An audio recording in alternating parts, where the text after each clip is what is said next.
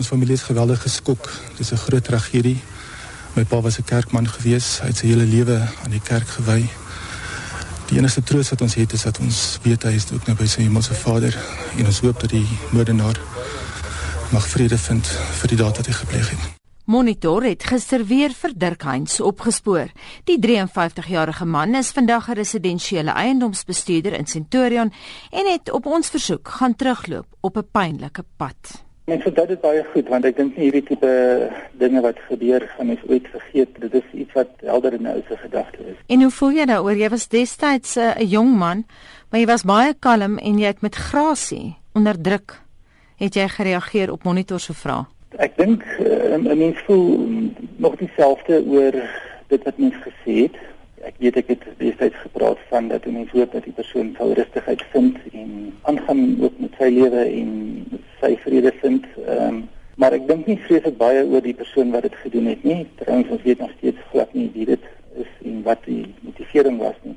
Die enigste manier wat 'n mens so ding kan hanteer is om na jouself te kyk en die mense naby jou om dit vir jouself uit te sorteer. Ehm um, ander mense moet hulle eie vrede vind, hulle eie antwoorde vind. En julle familie het julle antwoorde gevind. Julle weet nie wie dit is nie. Maar het julle berusting gekry oor die jare? Ja, ons het nie antwoorde gevind nie, maar ek dink die woord berusting is die is die regte woord. Ehm um, berusting gevind in die sin van dit het gebeur, die motivering daar agter weet ons nie, dit sou baie goed gewees het as ons dit wel geweet het.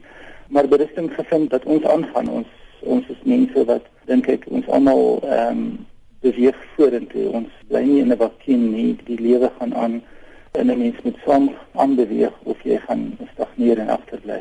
Was jy ooit bitter? Ek dink dit is 'n moeilike vraag om te antwoord. Eh uh, natuurlik is mens bitter, natuurlik voel 'n mens woede en jy voel hartseer en jy voel oneindige hoeveelheid emosies. Ehm um, bitterheid is sekerlik een daarvan, maar ek dink die oorwegende emosie wat hy het is nie die van bitterheid nie, dis dis die emosie van van hartseer.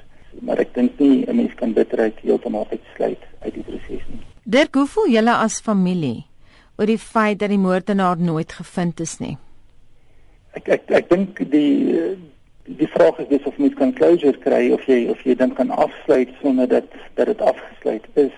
En ek dink nie mense kan daai totale closure ooit kry uh, as iets gebeur nie. Ehm um, en mense nie weet hoekom. Ek dink dis die groter vraag is hoekom eerder as wie dit gedoen het. Mense graag wil verstaan wat is die beweegrede van 'n persoon wat so iets doen? Ons beweeg aan uh, ons sit vol lewens en ons ons is baie aktief betrokke by baie dinge om ons. En wat spekulasie betref, julle is net mense. Die hele volk het gespekuleer oor wie dit kon doen. Dit moes in julle familie gebeur het.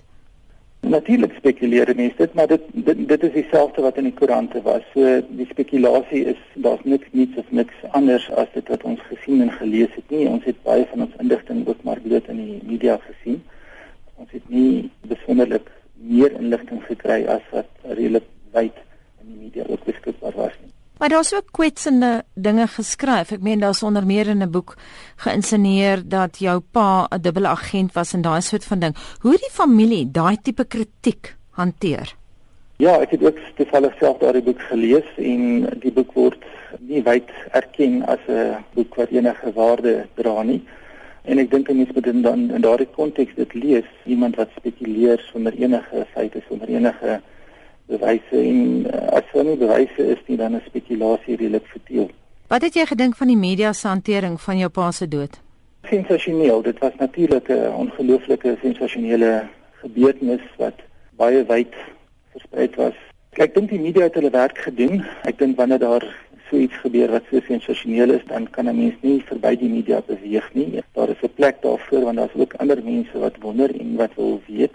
Maar daar's ook verskillende aspekte. Daar's die openbare figuur wat my pa was, waar hy 'n groot rol gespeel het in baie mense se lewens en dan is hy ook natuurlik ons pa gewees en ek dink ons het meer op die persoonlike, die familie aspek gefokus terwyl ander mense dalk op ander dinge gefokus het. Ons ons moes onsself weer heel kry.